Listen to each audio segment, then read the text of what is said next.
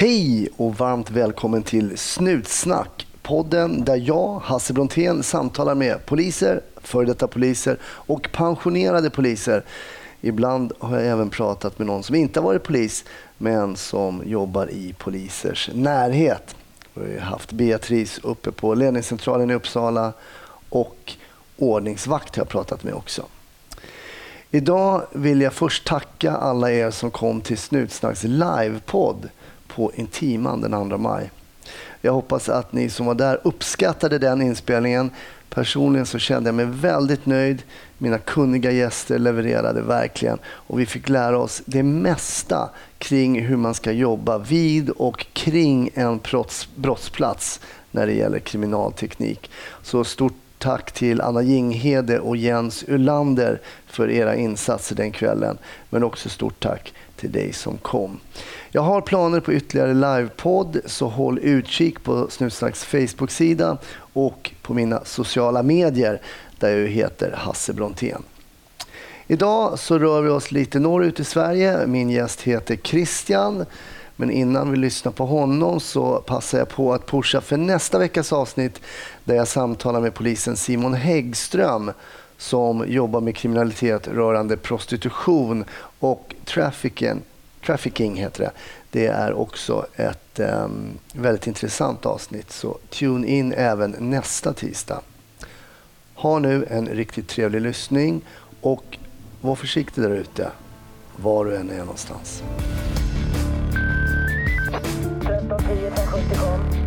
1310 Odengatan kom. Ja, det är uppfattat. Vi tar det. Slut. Bra. Klart slut. Varmt välkommen till Snutsnack, Christian. Tack. Kul. Ja, nu sitter vi och tittar ut här. Vi ser en bensinmack precis nedanför det hotellet vi sitter på i Sundsvall. Ja. Men du jobbar inte just i Sundsvall? Ja, jag utgår ju från stationen här, men jobbar som områdespolis i Timrå, kommunen precis norr om. Men det är väl nästintill, det sitter ju som ihop. Du märker inte om du kör från Sundsvall till Timrå när det ena börjar och det andra slutar. Liksom. Så, är det så? så att det, det, är, det är samma samma. Okej, så du utgår härifrån eh, ja, Sundsvall? Ja, polisstationen. Vi hade, det fanns en station i Timrå för några år sedan, men, men ja, vad kan det vara? En, tre, fyra, fem år sedan så la man ner den av ekonomiska skäl. Det var liksom inte mm. försvarbart att betala ett par miljoner i hyra för att ett par, fem poliser skulle sitta där. Nej. Och då var det mest utredare. Då hade man ingen, nästan ingen yttre verksamhet då. Så nu har vi fått igång det. Det här var väl konsekvensen av att man lade ner stationen. Så lovar man att ha särskilda områdespoliser där. Och vad är din uppgift då i, i Timrå? Då? Ja, men vi jobbar mycket med alltså det, det är förebyggande arbete. Det är egentligen vår huvuduppgift. Alltså mycket kontakt med socialtjänst, skola, fritidsgårdar. Så vi har den här tiden som man kanske inte har på ingripandenheten att hänga och snacka med folk och, och sådär träffa PRO och det är liksom all, alla, alla invånare i Timrå. Det är det liksom. största hotet i Timrå, PRO. ja, nej, men de är en bra samarbetspartner. Man får faktiskt veta rätt mycket. De hänger ju på byn och ser mycket, så ja, man ska inte underskatta dem. Nej, faktiskt. man ska aldrig underskatta två ögon och de har ju tid att titta vilka bilar och regnummer. Och ja, men så är det. Och, de, och de, är, de skriver upp sånt där. De är liksom väldigt... Många gånger är ju pensionärer. De, som sagt, de har tiden och då blir de så här, den här bilen har jag inte hemma. Ja, då skriver de upp regnummer och tider och platser. Och, ja, nu har de kommit fyra gånger här, så det är någonting som är lurt här. Så de är, ja. Det är bra. Lär ni känna, jag tänker ungdomar och så här, har ni tid att gå på skolor och få liksom en någon form av eh, Ja, men och det, det är det vi gör och det är det som är liksom, jag kan tycka det är roliga med den här tjänsten också, att vi är mycket. Dels så träffar man dem på skolan, vi har jättebra samarbete med framförallt högstadieskolan, där där vi lägger mest fokus de vill att vi kommer dit och bara går runt på skolan och chitchattar med eleverna och sådär. Så då träffar man ju på de här och så sen så träffar man på dem på ungdomsgården på, på kvällarna liksom och så Så framförallt, vi, vi har ganska bra koll på vilka som nu har inte vi den här tunga kriminaliteten som man pratar om i förorter i Stockholm och så här, utan Nej. det är ju det är småbuspojkar, det är inga större grejer, men, men det är orosmoment där liksom. Nivån, nivån är ju olika och, och de här sticker ut hur det är här. Mm. Eh, men man har ganska bra koll på dem, är ganska tjenis med dem. Mm. Sådär ändå. Och det, jag tror att det är, det är en nyckel till framgång i det där faktiskt. Ja, precis. Vad är, vad är fördelen att vara lite tjenis då med de här till exempel killarna och tjejerna? Mest killar kan jag tänka mig. Ja, nu är det väl mest killar. Men vi har haft några. Vi hade en period där när det var någon tjejgäng som var i luven på varandra och det var både det ena och det andra som, som hände. Men, men det är det här, man kan snacka liksom vid sidan av och, och, och blir det någonting så är det här. Ofta så är det att det är inte polisen som kommer utan det är Christian som kommer, Ulrika som kommer, kollega. Alltså de känner oss till namn och vet att ja, men är ni schysst mot oss, då är vi schysst mot er. Vi har vårt jobb att göra, men vi kan, vi kan vara trevliga mot varandra ändå. Och det, det, där märks, väl, det, där märks när man träffar på dem, att de känner igen en och vet vem man är. Precis, det tänker jag att det är en oerhörd fördel att någon... Det är svårt att vara det är svårt att vara, eller det är mer svårt ska säga, vara otrevlig mot någon när man kan liksom förnamnet. Och, alltså man har, då har man ju genast en liten, liten form av relation om man kan ja. varandras namn. Ja, men så här, och jag kan ju deras namn också. Så jag kan liksom säga deras förnamn eller deras namn. Så här, men här, du, så här är väl inte vi mot varandra liksom, och säga namn. Jag kan namnet inför alla andra också det, är också, det gör ju också en hel del faktiskt. Det tror jag är väldigt viktigt. I, i ett tidigare mm, avsnitt av Snutsnack så var ju, hette min gäst Rissa. Hon jobbade ju som områdespolis i Rinkeby. Och hon hade ju en tes om det här också, att försöka lära känna föräldrarna, och veta vem eh, föräldrarna är, om de går i centrum och man har lite koll. Har, har ni så pass också att ni vet Ja, men viss, alltså, vissa föräldrar, som sagt, vi har ett jättebra samarbete med socialtjänsten när man kör eh, samtal med de som inte är 15. Så blir, blir de misstänkta, skrivs en anmälan om, och de blir anmälda för ett brott så kallar socialtjänsten till ett samtal tillsammans med föräldrar och så bjuds vi in. Och då pratar man egentligen inte om händelsen som sådan, för den har vi inte rätt ut, så vi vet ju inte Nej. vad som har hänt, utan vi pratar mer från polisens perspektiv om ja, men vad händer när du blir 15 om det här. Och då, då träffar man också föräldrarna och, och, och får en liten relation till föräldrarna liksom, mm. i de där. Vi har väl inte, nu har inte vi den, den nivån som jag, alltså, jag tror man har där och med föräldrar på stan och Timrå mm. som jag jobbar i är för litet för det. Mm. Så så mycket har vi inte liksom med föräldrar. Men några föräldrar, i, i, i vissa tillfällen så har man liksom träffat på föräldrarna och det, det är ju ofta nyckeln. Mm. Så är det. Det är de som, det är de som träffar sina barn mest liksom, förutom skolan och det är de som kan påverka dem. Och när jag tänker på de här eh, samtalen som man kan ha då eh, om man är under 15. Och eh, vad är det ni trycker på? Är det just det här straffmyndighet och konsekvenser? Och... Ja, men, ja, men just konsekvenser, men just det här att få, få ungdomar att förstå att det är inte bara den här konsekvensen att du kanske får ett straff, att man får böter eller många är oroliga att man ska hamna i fängelse. Så här, nej, men det kommer man sannolikt inte att göra när man är strax över 15. Liksom. Men alla de här andra konsekvenser som det kan få. Så, ja, men du kanske inte får ta körkort när du blir 18 eller 16 om du vill ta något moppekörkort eller något sånt där för att du har, du har begått brott och då säger Transportstyrelsen att äh, men du kan inte sköta det liksom i det vanliga livet. Då lär du inte följa trafikreglerna heller. Mm. Eh, det här med som jag tror att ytterst få van, alltså överhuvudtaget svenskar vet om att ja, men vill åka till USA så tittar de om du finns i brottsregistret. Och är du dömd för vissa typer av brott i Sverige så kommer USA säga att sådana har vi alldeles tillräckligt många här av här så att, nej, vi, vi behöver inte fler miss, alltså folk som är dömda för våldsbrott eller narkotikabrott till exempel. Just det. Så det är en massa sådana här konsekvenser som jag tror ungdomar inte, definitivt inte ungdomar tänker på att det kan få. Ja, men det här jobb, alltså vi brukar alltid säga det, ja, men hur vill du bli känd? Vill du vara känd i det här för Sundsvall och Timrå? Som, ja, men det är en stad på Sundsvall är på knappt 100 000. Totalt sett här strax över 100 000 med Timrå och omnejd här. Men alltså folk vet, alla känner ju någon som känner någon liksom. Mm. Så, här, så ska jag söka jobb någonstans, ja men då kommer de här, ja men fan han är från Timrå, känner jag någon i Timrå som kan veta vem det här är? Ja men hur vill du då att du ska bli presenterad? Ska du bli presenterad som den här busungen som har begått massa, gjort massa skit? Eller vill du bli presenterad som en ordentlig kille eller tjej som liksom sköter sig och, och är ordentlig, som är, är trygg att anställa. Så även om du kanske inte man får begära ut ett straffregister så, så är det klart att det blir känt om du blir dömd för brott. Liksom. Mm. Så, större än så är inte samhället idag. och framförallt att... inte med, med sociala medier och allting med Facebook Nej. och allt vad det finns för någonting. Hur tycker du att de här samtalen brukar mottas? Då? Brukar det känna att man får hugg liksom? Eller sätter in ja, men de flesta faktiskt ser man och många föräldrar också liksom tycker jag just det här att ja, men alla de här andra konsekvenserna. Man ser ju många ungdomar som fan tänkte inte på det liksom. Sen finns det ju alltid några som ja, där ser man att det, det, det, de tycker att det här är fräckt och häftigt liksom. Mm. Och, och, ser, ser liksom inte, nej det där kommer inte hända mig och det, eller det bryr jag mig inte om eller det är ett senare problem. Liksom. Mm. Någon, någon enstaka sån har man ju såklart haft. Mm. Hur kommer det sig att du blev, sökte, till polis, sökte dig till polisyrket överhuvudtaget?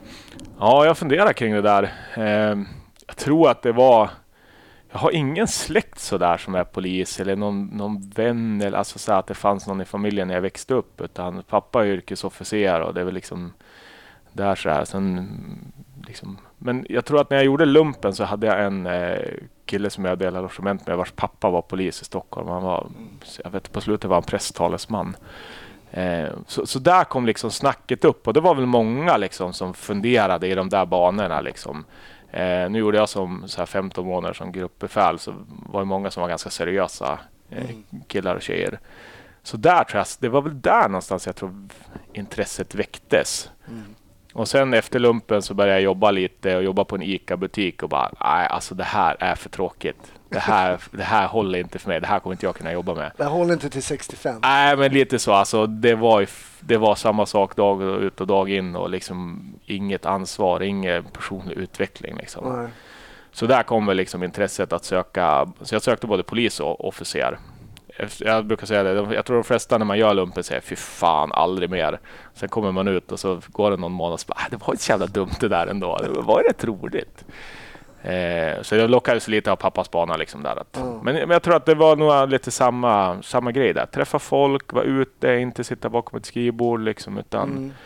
sådär. Och så kom jag in på Ja, jag kom först in på officersutbildningen men sen kom jag in på polisutbildningen också. Har du börjat officersutbildningen? Ja, han började en, en så här förberedande kurs. Den börjar ju egentligen på hösten, men de flesta gör, muckar ju i, i, april. Så då har man ju liksom en liten, då kör respektive regemente kör ofta någon liten kurs under sommaren. För att de, man ska ha någonting att göra till skolan börjar och så får de lära ut saker som man kanske inte hade gjort under lumpen men som de tyckte att man skulle kunna. Okay, så här, vi fick köra, lära oss köra lastbil och lite sådana där grejer som de tyckte att det här behöver alla kunna när man kommer ut sen. Jag tänker att det är rätt intressant det du säger. Att för ibland när man är ung, man kan ha gjort lumpen eller någonting. Man, man vet ju inte riktigt vad, kanske vad man vill göra, men ibland är det också viktigt att veta vad man inte vill göra.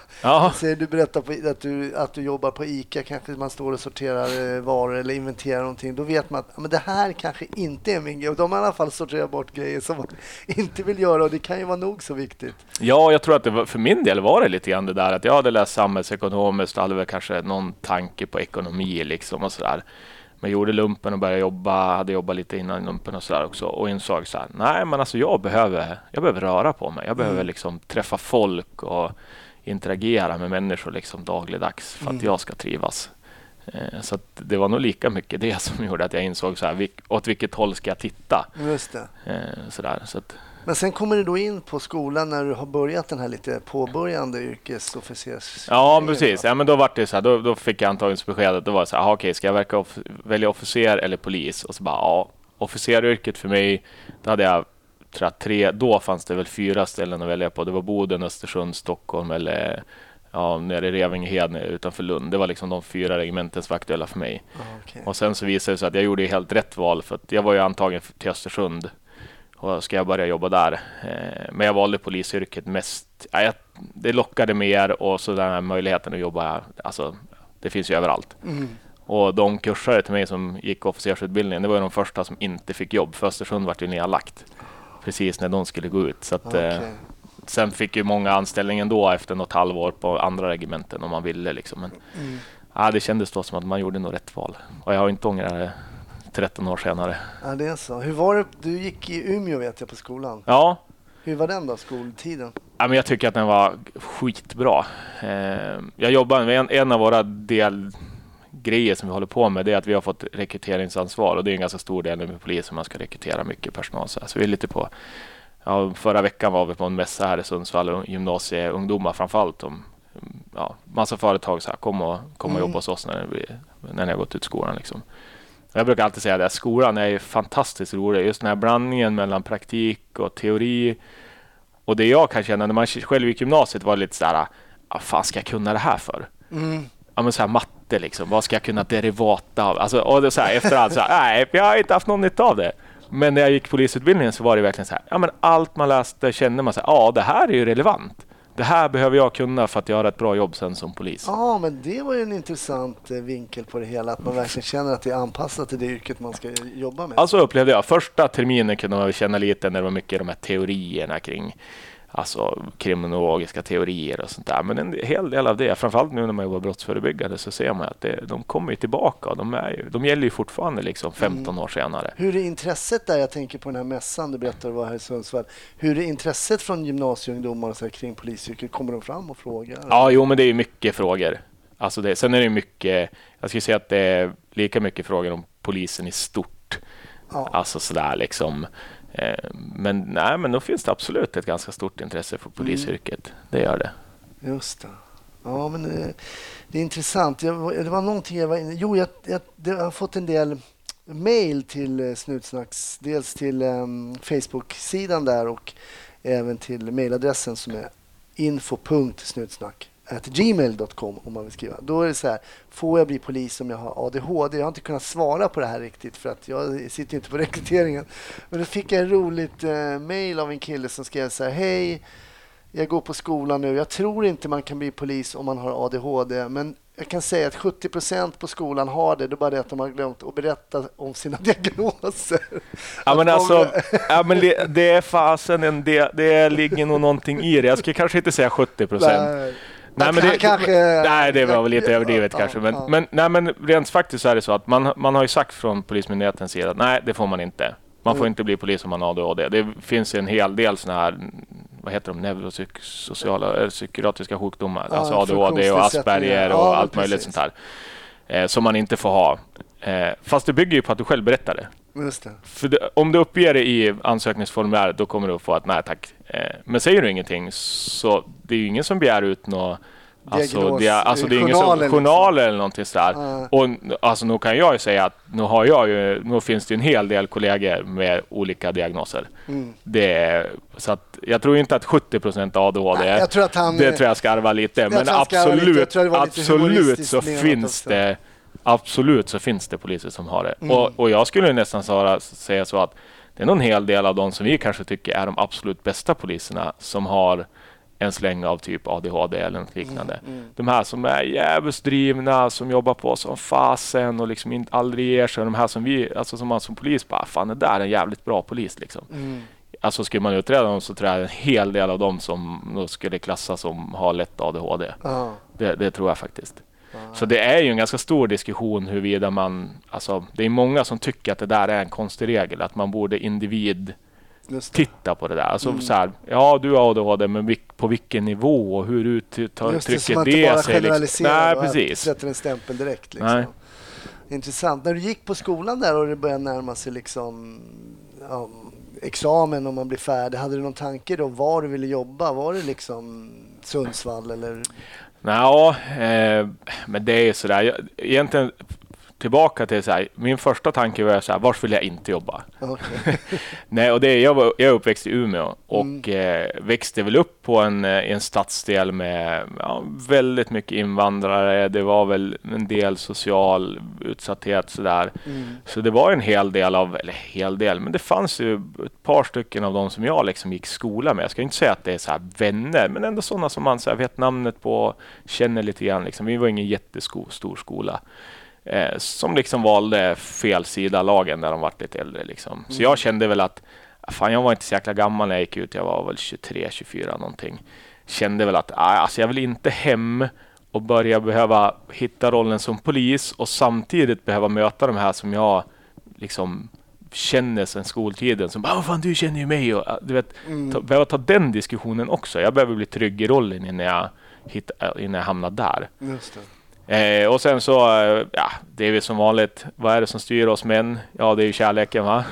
så att eh, min dåvarande sambo hon eh, var här från Sundsvall, så jag sökte hit i första hand. Men då var det Sundsvall var då det ställe i Sverige det var absolut svårast att komma till. Oj. För det var, de hade inte så många platser. Jag tror att det fanns jag tror det var sex eller åtta aspirantplatser. Jag tror vi var 16 första ansökande på de åtta platserna i Västernorrland. Så det var ju liksom extrem konkurrens om dem. Mm. Så att jag eh, var inte en av dem som fick komma hit, utan då fick jag lite så här titta på andra alternativ och då hamnade jag nere i Skåne. Och då kan man tänka så här, vad fan det är en jäkla... Så här. Men jag har dansk släkt. Min farsa är född i Danmark, farmor bor i Helsingborg och jag har mm. kusiner och faster i Danmark och så här. Så det varit ganska naturligt för mig att Var i Skåne hamnade du då? Så det är Lund, om mm. jag omnejd. Så jobbade en period direkt när jag var färdig polisassistent så jobbade jag i ett samhälle som heter Kävlinge, typ två, tre mil, två mil utanför Lund. Mm. Sen där på station. Gjorde allt, både utredare och polis i yttre tjänst och fick jobba lite IG ibland. Och, ja. Mm.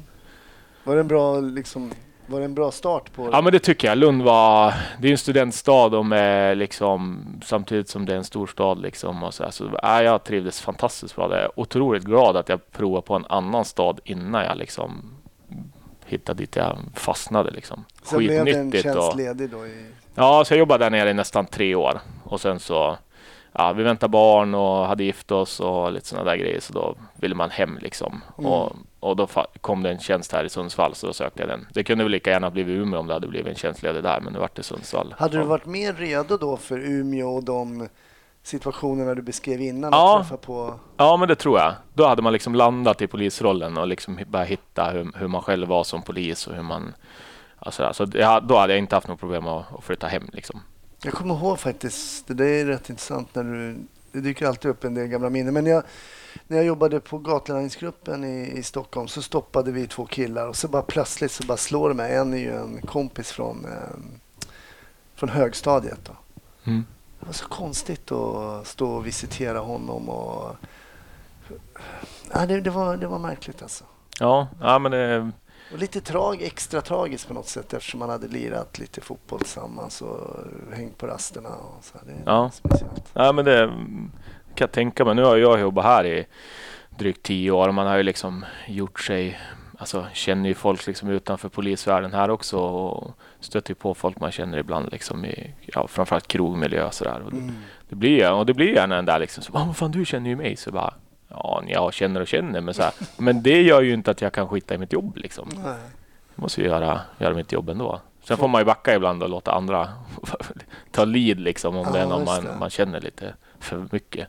Just det, kan så man inte blir jävig. Liksom. Ja, det kan vara smart att byta ibland. Med ja. Så, men tar du den så snackar jag med den här. Ja, och så, så är det väl lite grann nu att en av de som jag jobbar med som områdespolis, hon, hon bor och är uppväxt liksom i Timrå. Mm. Så det ibland är det så här, så, ah, fan det där är ju någon, den här har jag gått skola med, den här har jag jobbat med, den här känner jag liksom så här. Så att, ah, jag backar gärna lite liksom. Mm. Ska jag som inte har de kontakterna, alltså Just inte det. den personliga knytningen dit liksom. Få ta det istället eller andra kollegan. Jag brukar alltid be om en liten historia som man har varit med om eh, som polis som kanske har gjort intryck, lite mer intryck av en eller annan anledning. Eh, vad tänker du på då? Ja, men jag, jag fick den där frågan när vi började prata om att jag skulle vara med här. Jag funderar mycket. Jag, man har ju många sådana här små grejer som man varit med om som som liksom har påverkat en mer eller mindre. Allt från när jag varit på ett dödsfall där familjen tackade efteråt och skickade kort liksom för att man hade gjort ett så bra jobb. Men det var ett jättefint dödsfall, en farbror som hade gått bort liksom. Men sånt där har ju liksom folk som har via omvägar man för fan du är ju skitbra, du pratar med en, du bara dömer en inte på förhand. Alltså mycket sånt där som har gjort intryck. Mm. Men det enda jag kom att tänka på det var, jag tror att det var första sommaren jag jobbade här i Sundsvall. Jag hade väl jobbat som polis då i kanske tre år. Eh, Sundsvall är inte så stort, så på den tiden, nu har det ändrats eh, och ska inte ge för mycket liksom, inside information här, men då var det på nattpassen då så var vi två bilar. Mm. Så det var inte så många, alltså det fanns inte så mycket liksom, resurser och det ja, en bit till närmsta kollegor här liksom. Och eh, vi fick ett larm i en lite utkanten av Sundsvall här, ställe där vi visste att det, det bor en hel del socialt utsatta liksom. Och det här var det här var det en kändis, en, en yngre kille som var hemma hos mamma och hade börjat bete sig. Jag visste att han missbrukar narkotika och sådär. Så tänkte jag, väl, han har väl fått någon, någon snedtripp eller blivit förbannad på någonting och utåtagera liksom. Så vad var jobbet? Alltså, som, jobbet som sådant var väl bara att han, han bråkade liksom med mamma och mamma hade ringt och ville ha dit oss. Så att vi visste väl inte så jäkla mycket egentligen vad, vad det var. Kommer dit, mamman möter upp oss utanför. Ett tvåvånings eh, trähus med typ fyra lägenheter tror jag att det är rum där. Eh, mamma möter ut oss utanför ja, men berättar liksom och vi vet ju vem den här killen är sedan tidigare och ja, inget konstigt liksom så Och så dyker han upp i ett fönster ovanför porten. Så det är en port med ett litet snedtak ovanför och så är det ett fönster precis ovanför där. Så han dyker upp där och står och skriker och gapar och vi är med sådär ja, ja, ja, ja. Liksom. Och det är snutjävlar och det är det ena med det tredje liksom och sådär.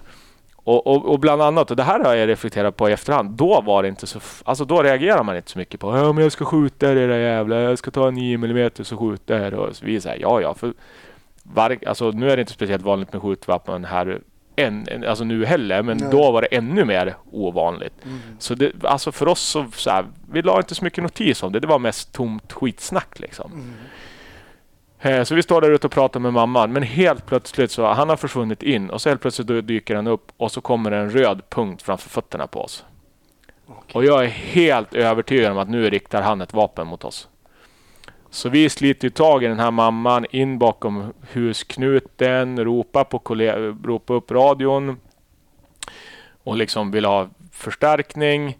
Så bara, ja men den andra patrullen den är upptagna med, med en eh, LPT, alltså en omhändertagen psyksjuk. Så de är på väg till psykakuten och då vet man att här det är, det är liksom två, tre timmar mm. kan man sitta där liksom. Mm. Eh, så att eh, det är, ja, närmsta patrull är x antal mil bort liksom. Och då kommer jag inte ens ihåg om de också var upptagna. Så att det var liksom ingen hjälp nära. Utan Nej. det här är löst problemet själv. Och hur liksom. står ni nu då? Det har gått undan? Ja, då, då står vi bakom husknuten. Så vi står väl och kikar fram mot det här fönstret. För det är liksom, ja, fönstret är liksom i, i, på långsidan. Och vi står bakom knuten på, på kortsidan där. Så att vi har väl liksom uppsikt. Han har väl försvunnit in tror jag. Så det går någon minut. Det går inte speciellt lång tid utan det går någon minut så kommer han ut genom porten. Och då är det ju liksom, alltså då kan jag säga att då ligger ju fingret på avtryckaren. Och har han gjort fel rörelse där, då tror jag att då hade jag förmodligen skjutit först och frågat sen. Eh, Hur nära är ni varandra då? Nej, jag skulle tippa att alltså någonstans mellan 5 och 10 meter. Det är ju inte jättelångt, men det är inte så jättenära heller. Men 5-10 meter någonstans. Och ser du, har han någonting i... Ja, men han kommer att ha händerna framme, så han är inte och fipplar och, och försöker gömma händerna och gräva någonting. Och vi skriker väl ganska tydligt åt honom också och, och visar händerna. Mm. Och han gör som vi säger, så vi beordrar ner honom på marken där och fram och handfängsel och hela kittet liksom. Så att allting går ju bra. Det händer ju ingenting. Mm. Men, men det som jag framförallt har tagit med mig efter det där, det var att ett, liksom hur jävligt i konen man hamnar i där efteråt så han in i bilen och in på stationen och sen i efterhand så är det så bara, äh, vi gör inte ens en husrannsakan för att leta ett eventuellt vapen. Det försvinner liksom i stressen av att ha varit, alltså, mm. för vi var helt övertygade om att han riktade ett vapen mot oss. Men när vi får kontroll på honom, då blir allt fokus på honom och få in honom och få bort honom och det här. Men sen det jag som har reflekterat i efterhand, varför jag gör att jag kommer ihåg det idag, det är att fan, man gjorde rätt. Alltså den här träningen som man har gjort, liksom, det här taktiska tänkandet. In bak med henne bakom den här husknuten. Beordrar, alltså alla det här ryggmärgsbeteendet som man liksom ändå hade lyckats få till tack vare all träning. Jag tänker på vapenhantering. Gjorde du så ja. höjde beredskapen eller hade du Ja, ja nej, höjd beredskap vart det ju. Eh, det var innan, innan, den tiden man hade, nu har, jag ju, nu har jag och många kollegor kula i loppet, men det var innan den tiden. Det ja, var när man hade... Precis, för det hade man inte på min tid. Men när jag eh, utbildade mig, när, jag hade ju till och med Walter. Det där ja, det är så. jag klarar mig från den. Men att höja beredskapen, när man, då har man ju ingen kula i loppet utan då är det ju tomt i, i, ja. i, i loppet så att säga. Man höjer beredskapen, då lägger man ju upp en kula som är redo med ja. slackad hane. Ja, precis. Och då krävs det ju lite mer tryck kilomässigt för att skjuta av än om man, vad heter den här hanen uppe nu då? är det, vad kallas det för? Det... Ja, upp, uppspänd. Men, men jag ska faktiskt helt ärligt säga, det, det, det, kan jag, och det ska jag nog inte kunna svara på direkt efteråt heller, om jag, om jag liksom, om jag slackade hanen och satte det tyngre trycket eller om jag hade lågt tryck ja, liksom hela tiden. Förmodligen eftersom att vi tog skydd bakom husknuten så har jag förmodligen slackat eftersom att vi står där ett tag. Liksom. Men, det. Så det krävs li, lite mer tryck då för att men jag kan säga att fingret vilade på avtryckaren när han kommer ut där. Eh, då är man, då är man redo liksom. Mm. Och hade han börjat liksom gjort någon hastig rörelse med handen liksom. Mot ja, jackan? Mot jack, eller... Alltså liksom sådär. Då hade man förmodligen inte väntat och titta vad han tog fram utan Nej. då hade man nog agerat först. För du säger här att du kommer i den så kallade konen. Ja. Du kan beskriva den här konen då. då. Vad, vad, vad är det som händer när man kommer i den här konen? Nej, men det, det, är väl en, det är väl egentligen en, en eh, det här var ju något man pratade om på polisutbildningen vet jag. Det är väl en psykolog, alltså en, en förenklad psykologisk term att man, man blir så pass stressad så att man tappar ju bland annat periferiseende. Man, alltså man blir väldigt fokuserad på en enda sak. Mm. Man tappar mycket logiskt tänkande och sådär. Och det man pratar, varför man ska kalla det konen, det är att om man tänker sig att man sätter en vägkon framför ansiktet så har du det lilla, lilla håret som du tittar ut igenom. Just istället för den här breda blicken som vi har dagligdags. Just det. Det är, det är väl den man pratar om framförallt. Men det intressanta som du berättar här att eh, du hamnar i den så kallade konen, men att konen är ändå... Det, det kokas ju ner till att du har fokus på rätt saker här då. då. Ja, och det är ju det som jag har tagit med mig från det här att, att liksom Mm. Att den du här, kunde hantera jag kunde liksom- ändå hantera situationen och ändå så i efterhand konstatera att jag gjorde ganska många rätt saker ur ett säkerhetsperspektiv. Liksom. Sen, sen det här utredningsdelen att man inte gjorde husrannsakan och massa sådana saker. Mm. Ja, men det må ju vara. Men jag gjorde de saker som krävdes för att, alltså även om han hade kommit ut med ett vapen så hade jag liksom, jag stod i skydd, eh, skyl och jag liksom Mm. hade vapnet framme. Alltså, allt det här säkerhetstänket funkade. Mm. Och vad var det här då? För du sa att du berättade att ni såg en sån röd laserpunkt där. Ja, men det var, det var han hade ju bara, det berättade han själv då, det var ju bara en laserpekare. Men förmodligen, det har, har pratat med honom om bilen så, så jag vet inte om den frågan ens ställdes, men förmodligen så ville ju han att vi skulle tro att det var ett vapen. mm. Eh, jag kan inte tänka mig något annat. Nej, Men eh, ja, det var väl för att jävlas och försöka få oss att försvinna därifrån, kan jag tänka mig. Det här är ju en... ehm, eh, Det här blir ju en exceptionell situation därför det här kommer man, man pratar om den våldstrappan att man först liksom verbalt och sen så får man ta tag i folk och så vidare och så vidare och sen är det batong och pepparspray och handbojor. Allting finns ju liksom på, i den här våldsstegen på något Ja. sätt. Men att skjuta någon då är ju då eh, sista utvägen.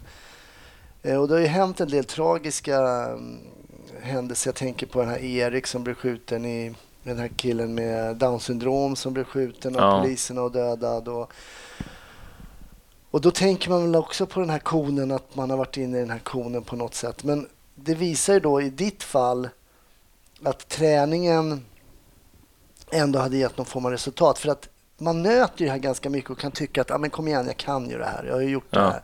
Men man kanske måste, nö- man pratar om att man ska göra saker i ett visst antal timmar och sådär. Ja, men precis. Och, och jag, jag tror att det handlar om, just för att, för att klara den här konen så bra som möjligt så gäller det att de här äh, alltså, praktiska sakerna sitter verkligen i ryggmärgen så att man gör utan att behöva tänka. Alltså, jag har ju kommit till den punkten att jag, att jag kan dra mitt vapen och göra alla de här bitarna. Det sitter verkligen i ryggmärgen. Jag behöver inte tänka överhuvudtaget utan jag behöver tänka tanken nu ska jag dra mitt vapen. Sen det, går det automatiskt och då Mm. kan jag fokusera mina tankar på någonting annat eh, och, och göra de här bedömningarna. Vad, vad, vad händer? Men jag kan ju säga det att, det kan jag prata om för egen erfarenhet från den här situationen och, och från andra situationer. Jag har dragit vapen vid något tillfälle till. Men som polis, jag tror att det, det finns ytterst, ytterst få poliser, om någon, som vill skjuta. Alltså, svensk polis är så jävligt professionell och de flesta har ju valt det här yrket för att man vill göra väl, man vill göra gott, man vill göra en positiv förändring av samhället på något sätt. Så det här att ta beslutet att skjuta någon, det ligger extremt långt fram. Alltså jag, jag vet ju att det finns ex, massor med exempel där man har haft, alltså man har haft all rätt i världen att skjuta, men man har inte gjort det ändå. Nej. Så det är det som gör att, alltså, om man tar det här Erik-exemplet, det är, det är ju fruktansvärt tragiskt. Men från mitt perspektiv, utan att veta någonting, så kan jag ju bara försöka sätta mig in i de kollegornas situation. Att har de beslutat sig för att skjuta, då har de, jag är helt övertygad om att de har upplevt en livsfara. Att de har upplevt att de har haft ett riktigt vapen riktat mot sig Mm. på något sätt. Utan att kunna dra detaljer alls i det där. Men alltså, svensk polis är så pass professionell att, att man tar inte det beslutet om man inte känner sig så pass trängd. Det finns liksom inga... Det är min upplevelse av alla poliser jag har träffat. Att det finns ingen som säger nej men vad fasen liksom. Äh, han viftar med någon kniv, då sköt jag. Alltså Nej, att det är något sådär liksom. Utan det, är, det sitter extremt långt inne. Och vi, svensk polis, det, det visar ju forskning, vi skjuter ju nästan för sent. Vi väntar ju för länge. Vi borde ju oftare skjuta tidigare och då göra mindre skada. Alltså skjuta mot höfter, ben så att vi inte behöver skjuta det här dödande skottet. Precis, det var intressant. Jag var ju uppe och pratade med också ett avsnitt av Snutsnack när jag var uppe i Haparanda. Mm. Och eh, då eh, ligger de ju väldigt nära finska gränsen. Och de, de finska kollegorna skjuter oftare, men oftare för att precis som du säger, skada och stanna av situationen betydligt tidigare än Ja. att man får det så kallade nödvärnssituationen när man är den här, som du säger, 5-7 meter och då man siktar på bålen liksom för Ja. att och så de, har, de skjuter oftare, och, men har betydligt färre då, eh, avlidna när de väl skjuter. Ja, precis. De skjuter liksom i ben. Och Och, så. och jag har en sån här, nu vet jag inte om det här, jag tror inte att den skröna, jag tror att det är en sann historia, men den, jag har inte upplevt den själv. Men när jag jobbade nere i Skåne så, så fick jag en historia berättad för mig som jag tycker visar på det här. Och, och mycket det här snacket då liksom, ja, men, man hör många säga, ja, men han har bara en kniv. Ja, men en kniv är ju dödlig. Men det kan ju faktiskt vara så att man inte har något tillhygge alls. Här var historien går så att det är en, så, en riktig buse, stor, stark, som går mot två kollegor på en bro. Och de här kollegorna inser att så här, hamnar vi i hamngemäng med den här, då förlorar vi. Alltså det är inte ett alternativ, för han är för bra på att slåss och är för stor och stark för oss. Och han går emot de här poliserna och skriker att han ska döda dem och är skitförbannad och liksom allting. Så den ena kollegan han, han beslutar sig för att kliver han över den där tänkta linjen, då skjuter jag han i benet. För att alltså, vi kan inte hamna i handgemäng med honom och han lyssnar inte på vad vi säger. Eh, var på, det är precis det som händer. Så han, han, skjuter honom i benet och ja, det får ju den effekt som, som behövs. Liksom. Han går ner och situationen löser sig med minsta möjliga skada. Och sen så gör ju historien gällande att han då när, i, i rättegången sen, för den här killen blir misstänkt för massa brott. Polisen är ju inte misstänkt för något brott, men, men domaren ändå frågar sig men varför, varför sköt honom i benet? För att slippa skjuta honom i bröstet senare. Ja tack, inga fler frågor. Och det är ju precis det som jag tror finnarna gör, att de skjuter ju tidigare, men då skjuter de som sagt det. på icke dödlösa. Alltså mot, nu kan man ju dö av det också om man har otur, men sannolikheten är mindre om man skjuter mot, mot ben och höfter. Det. Medan vi väntar ju lite alltså, längre och då blir det nödvärn och så måste man skjuta mot centrala nervsystem för att få stopp Just det, totalt. precis. liksom. Och det andra kallar ju poliser då för skjuta med stöd av laga befogenhet. Eller hur? När det inte är en uppenbar nödvärnssituation. Ja, men, ja, fast i det här fallet, om man tar det här exemplet för bron så är det fortfarande en nödvärn. Fast man, ja, men det, det är lite mer kontrollerat så att man kan använda, man kan komma lägre ner på våldstrappan på något Mm. vis. Alltså man slipper skjuta det här dödande skottet men man skjuter ändå med nödvärn. Så rätt. Laga befogenhet det är ju mer för att gripa rymlingar och, och, och ja, alltså det är vid vissa grova brott och folk som har rymt från fängelset om de sitter för sådana väldigt grova brott. Just det, precis. så har man Nej, rätt att skjuta dem Ja, för I den, i, den, I den delen så är det såklart då fortfarande någon form av av nödvärn. Men då menar du på att man är, man är för högt upp på den här nödvärnsskalan. Att man låter det komma till en sån hotfull situation. Eh, så att den är, den är för hotfull egentligen. Ja, precis. Men man väntar lite för länge så att, så att det enda alternativet liksom blir att totalt oskadliggöra istället Mm. för att, att använda ett lite mildare våld. Fast man kanske fortfarande använder skjutvapnet. Det mest fascinerande är ju hur ehm, i samband till exempel med den här oerhört tragiska händelsen med den här pojken Erik som vi nämnde här att det är väldigt många civila som har, är experter på skjutningar och hur det ska gå till och sådär eh, Ja. efteråt. Man ser på sociala medier och Ja. jag försökte ibland föra någon diskussion någonstans men det går ju inte. Jag tror att man vill gärna ibland ha det svart eller vitt. Ja. Ja, men dels är det ju det, alltså man får ju ofta veta precis hur man ska förklara och sen så, eh, så verkar ju folk tro att vi är någon form av OS-skyttar som prickar en femöring på 30 meters håll med en, med en pistol. Mm. Eh, och det kan jag ju säga att det är helt omöjligt. Mm. Eh, så att eh, det handlar ju mycket om att jag kan tycka att det vi behov, och det jag vet att man polisen håller på att titta på eventuellt nytt, ny, nytt tjänstevapen och upphandling av det och så där. Och där håller man ju på att titta på eventuellt andra sikten och med röd punkt och det där blir intressant att se vad liksom, vart det där slutar. Mm.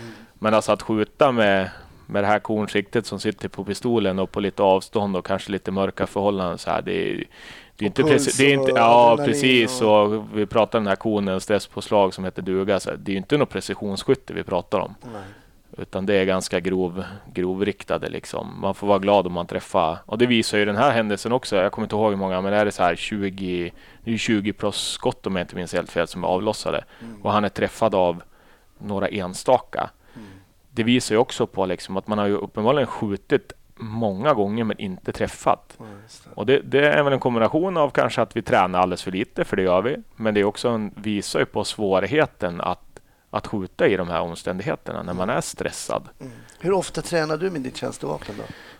hade EFS någon gång per halvår. Nu har jag haft fördelen att ha en fot i Försvarsmakten så jag har fått skjuta lite extra tack vare det. Jag har bland annat varit på utlandstjänst där vi tränar ganska mycket pistolskytte mm. eh, för den tjänsten jag var på. Men annars är det, det finns inte tid. Men har man inte har man inte schemalagda sådana instruktörspass då, ett x antal i alla fall per år? Ja, det vi har det är, det är våran, som numera heter Polkon, polisiär konflikthantering, där vi, där vi ska klara av allting. Alltså då ska vi klara takti, alltså taktiska, alltså alla ingripanden, så det är inte bara skytte som ingår, utan, det, utan det är liksom grepptekniker och självförsvara, alltså allt det som har med den här biten att göra. Mm.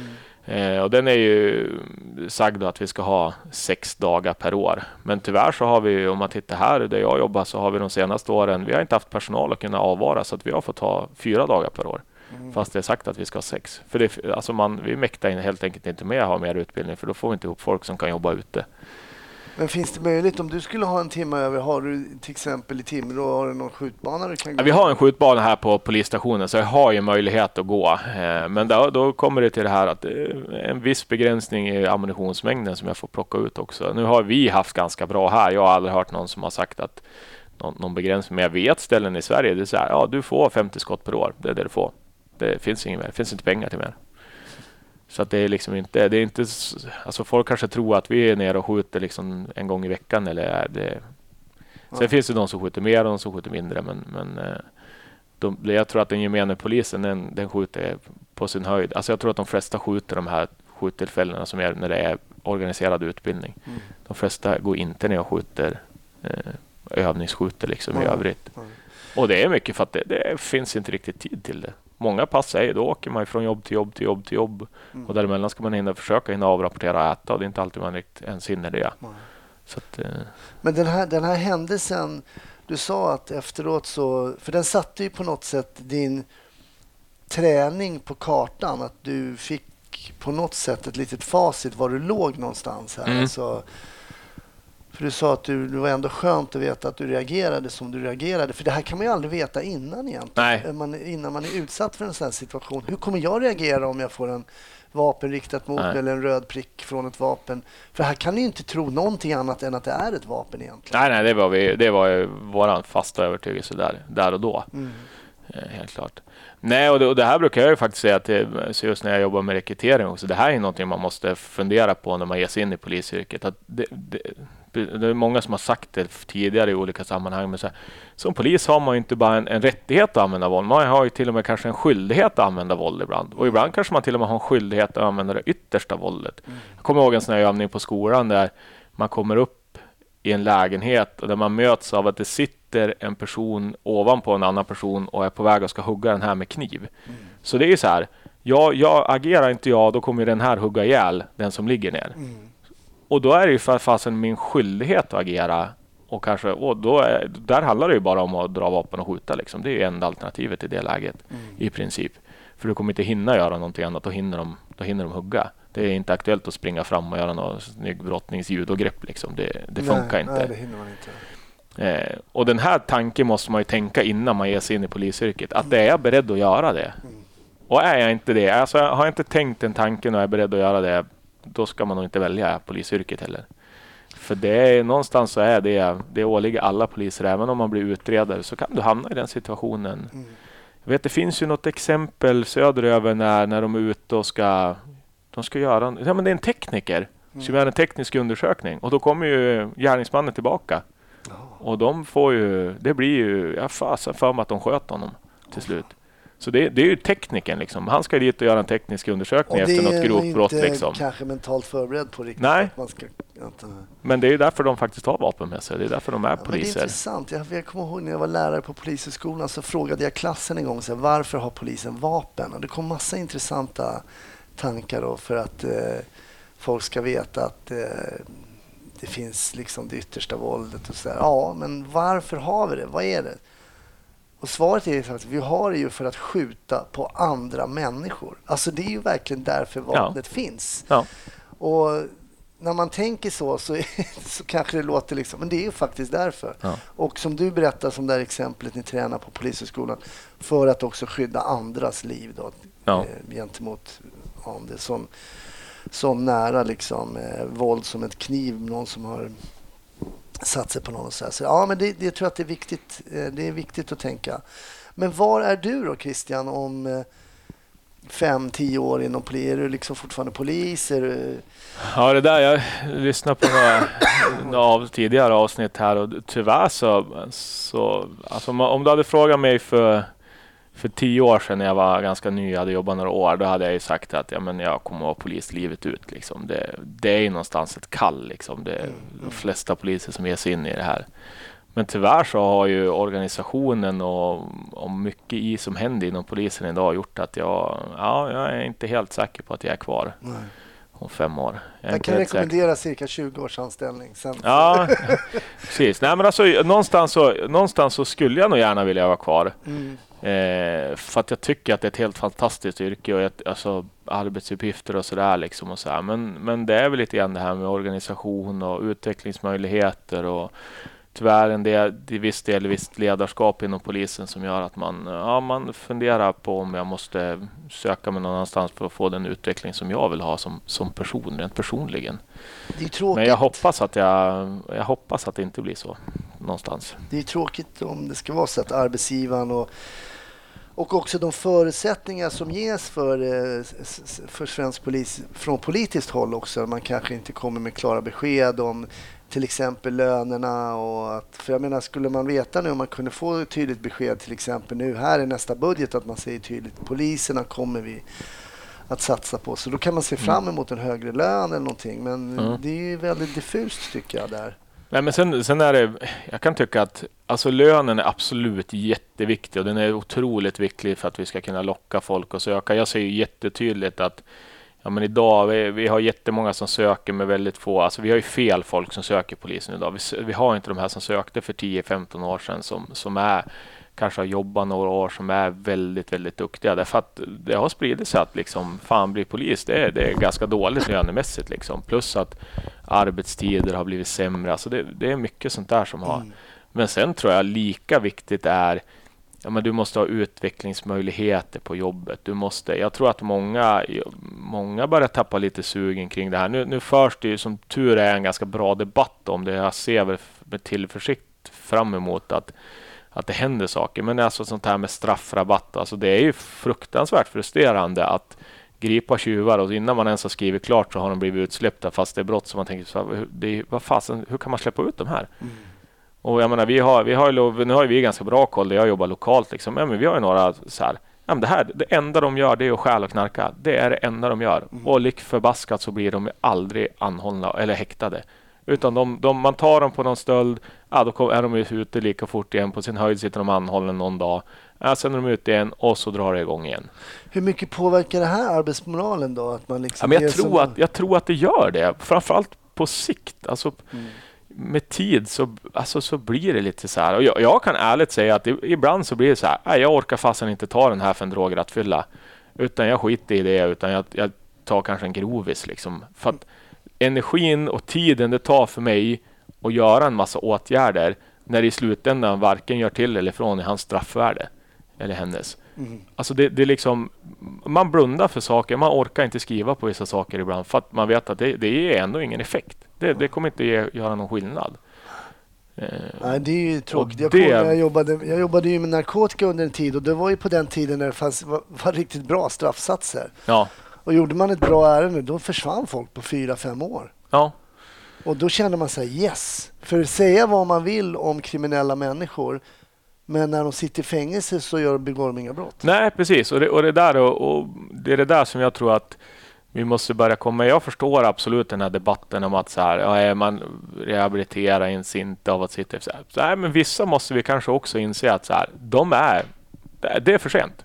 Alltså de här kommer inte, om det inte händer något livsomvälvande för dem personligen som gör att de så här själv bestämmer sig för att nu vill jag totalt byta bana.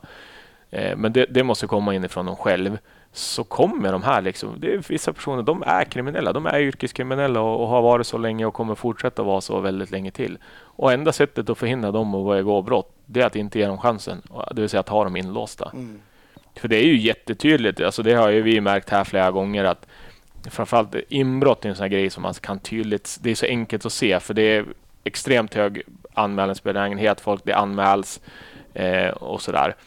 Och, och vi, vi ser, vi tittar på Timrå där jag jobbar, så har vi ett industriområde. Vi hade en, vi hade en topp här eh, under hösten när det var vintern, när det var mycket inbrott. Och så vart det tre personer som vart inlåsta. Helt plötsligt under två veckor så begicks det inga inbrott alls. Mm. Ja, det är ju märkligt kan ju, så här. Sen förstår jag att man i domstolen inte kan döma folk för brott man inte har bevisat. Men alltså är man missbrukare, man bor liksom, är i princip hemlös, man har ingen fast inkomst och så tas man för ett eller två inbrott. Ja, men då måste man inse från samhällets sida, så bara, ja men det är inte de enda två inbrotten de här har begått. Mm. Utan hur finansierar man ett narkotikamissbruk? Ja, men det är ju, om man inte har någon fast inkomst på laglig väg, ja, men då begår man ju brott för att finansiera sitt narkotikamissbruk. Mm. Och det är ju fruktansvärt tragiskt att, man, att folk missbrukar narkotika. Och det är klart man ska försöka hjälpa dem att komma ut det. Men det är ju någonstans att folk har ju, gör ju egna val och vissa väljer ju att fortsätta. Alltså de, de, jag har ju hört, haft personer som har sagt till mig, men jag är inte intresserad av att sluta. Jag mår bra av att knarka. Mm. Jag vill knarka liksom. Men då kommer vi tillbaka till de här ungdomarna som du berättade om i början när du förklarade om konsekvenser. Och det är väl klart, även för de här vuxna då, då som eh, de har ju förstått att om det inte ger så pass mycket konsekvenser så att det påverkar deras eh, till exempel kriminella verksamhet så är det väl kanske fortfarande värt att fortsätta? Då? Ja, men lite så är det tror jag också. Mm. Och sen, sen är det ju det, det är klart att jag menar, blir man inlåst i två, tre månader då hinner ju inte kriminalvården hjälpa dem. Nej. Men skulle de bli inlåsta på fyra år, ja men då kan man ju göra ett ordentligt åtgärdsprogram. Och liksom, ja, men då, alltså, då blir de kanske fri från sitt missbruk. Alltså då, kom, då har man tagit sig över den här tröskeln att, och mm. kan jobba på, på mm. bakomliggande orsaker till missbruket och allt vad det är för mm. någonting. Då är ju chansen att de kan komma ut och faktiskt försöka få ett bra liv. Liksom. Mm. För dem har man ju också stött på. Mm. Det ska jag faktiskt säga. Jag, vi hade senast nu här under hösten så stoppade vi en kille i en bil och jag sa Fan, det här är ju, det här är ju en, alltså, det här är en missbrukare. Mm. Fan, kör han bil liksom? Och så glad i hågen och bara stort jävla leende så bara sliter han fram körkortet. Jag var nykter i fem år. Och man bara fan vad kul. Alltså man känner ju själv också bara så jävla roligt att mm. det, alltså man, de kan komma ut. Och det här är alltså han är ju 40 plus liksom. Mm. Det är ingen ungdom vi pratar om. Han, han har varit missbrukare länge.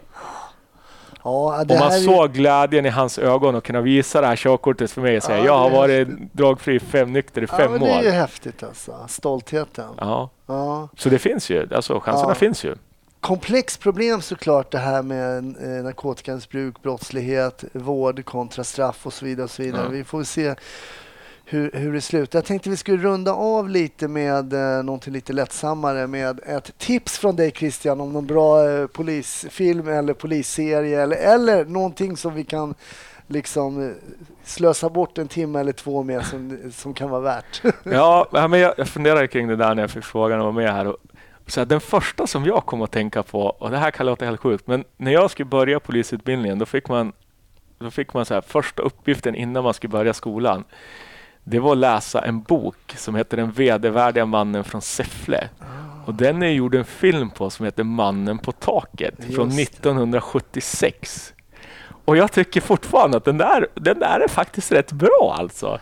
Den ger en rätt skön bild av polisyrket mm. någonstans. Det är Carl Gustav Lindstedt eh, tror jag som är med och spelar den, en av dem i alla fall, Mannen på taket va? Ja, Sven Wollter vet jag med också. Så så Ja, den kan jag faktiskt säga som lite nostalgitripp. Liksom, ja, men vad hur, kul, hur, var, hur var polisyrket liksom förr i Sverige? Så, Just det. Så, ja, men den ger När det var faktiskt, svartvita polisbilar. Och... ja, vit koppel och ja. den här liksom. Ja, men roligt. Så, den, så det är en riktig klassiker. Mannen ja. på taket. Ja, filmen heter Mannen på taket. Bygger på en Sjöwall Wahlöö-bok som heter Den vd-värde mannen från Säffle.